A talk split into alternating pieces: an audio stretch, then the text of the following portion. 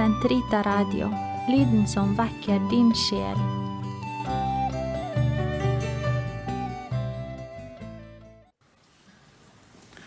Til grunn for det vi gjennomlever i dag, på palmesøndag og gjennom hele den stille uke, ligger Jesu forsikring om at alt det som skjer, er nødvendig og må skje. Han har forutsagt det hele. Vi leser hos Lukas alt hva profeten har skrevet om menneskesønnen, skal gå i oppfyllelse. Han skal bli utlevert til hedningene og bli hånet og mishandlet og spyttet på, og de kommer til å piske ham og ta livet av ham. Det er med dette som formål at han gjør sitt inntog i Jerusalem, fullstendig illusjonsløst. Imperativet som styrer Jesu liv og død, er ingen hemmelighet.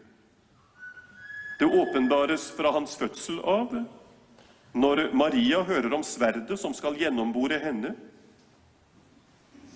Lukasevangeliet, som vi leser fra i år, viser oss hele Jesu liv som en klart definert, lineær og fri framferd mot korset.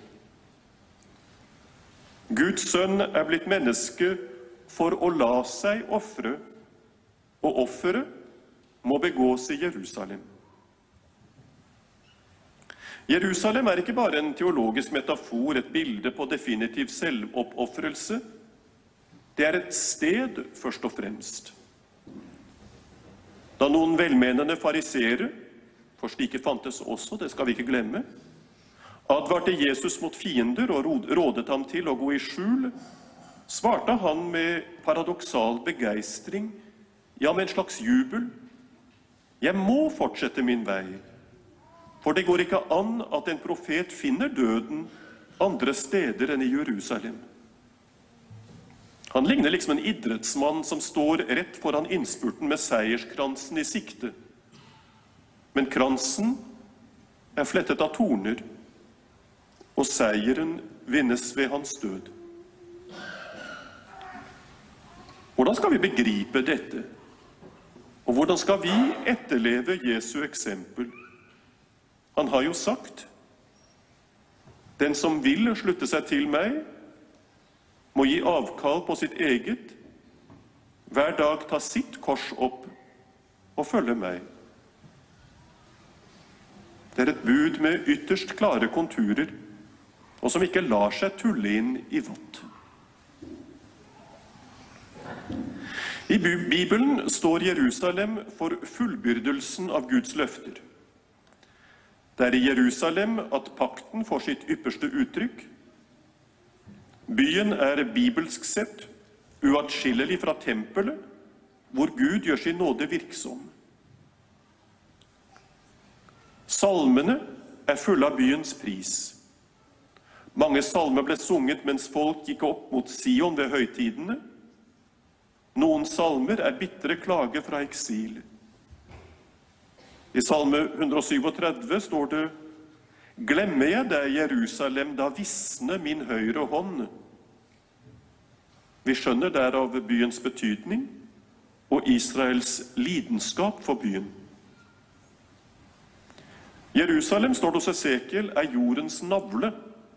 Det er hele skaperverkets sentrum. Og på palmesøndag i dag skjer noe fenomenalt. Ordet som ble kjød, ordet hvorved alt ble skapt, trer inn i dette magnetiske felt. Han, den evige ypperste prest, nærmer seg paktens ark og forsoningens alter. Knapt noen i den palmevaiende massen ville ha begrepet alle faktorene som i dette øyeblikk spiller sammen. Det tok Kirken flere tiår å danne seg et bilde. Men vi merker en intuitiv oppfatning av det omveltende som er i gjære. Og det står da også at hele Jerusalem skalv. Herren Jesus, som inntil nå helst har villet virke i det skjulte, kommer her med klar tale. Når han bes få disiplene til å tie stille, svarer han, skulle disse tie ville stenene rope. Det er hele universet som vibrerer. Skapningens sukk i håp om frigjøring fra forgjengelighetens trelldom blir utropt av hebreernes barn. Gjennom den ekstatiske forventningen skrider Jesus frem i stor fred. Hans blikk er festet ikke på æresbevisningene, men på korset han ser heve seg på Golgata, rett utenfor byen. Det er en fyldestgjøring som foregår, ja, men også en opptakt til noe nytt. Og det nye forutsetter slutten på det gamle. Mellom de to evangeliene Kirken gir oss i dag, først beretningen om inntoget i Jerusalem, så lidelseshistorien.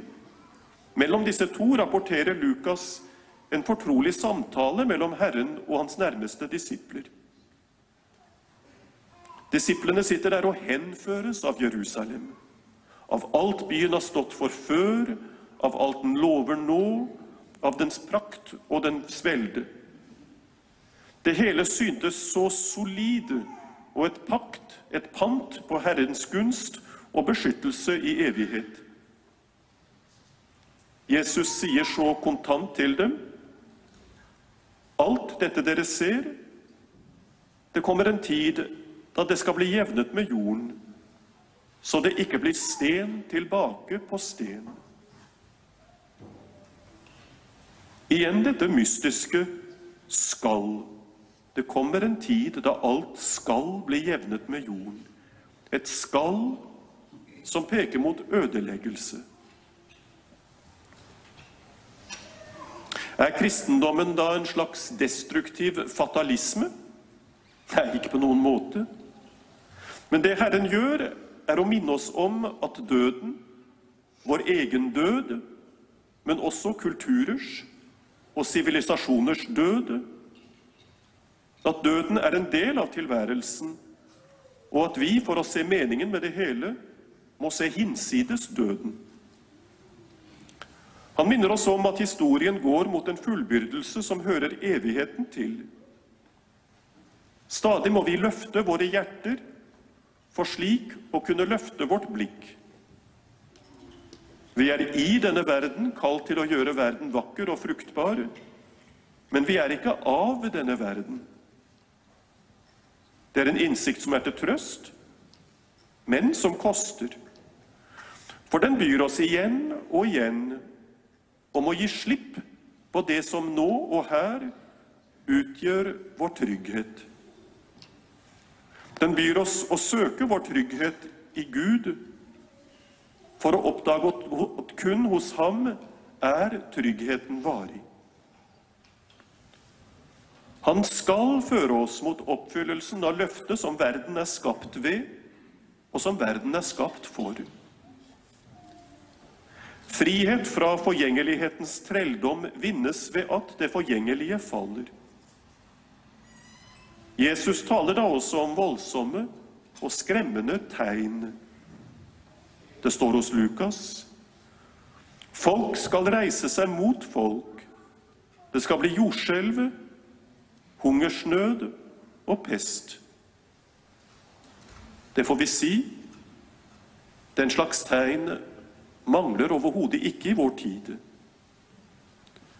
Vi oppfatter dem ofte som meningsløse, og vi er fristet til å fortvile.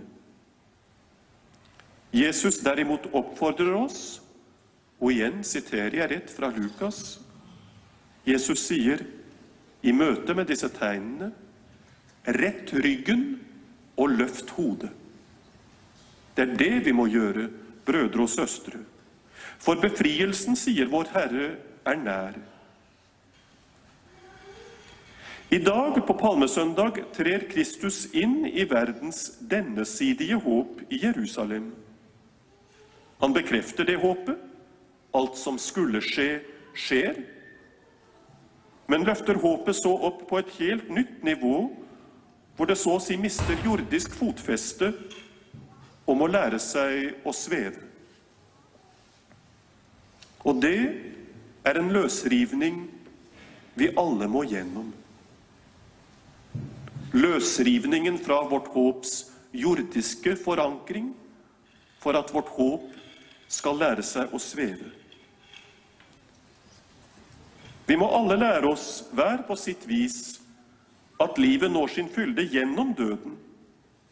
At døden på alle plan har mistet sin brodd, og derfor ikke lenger er noe å frykte.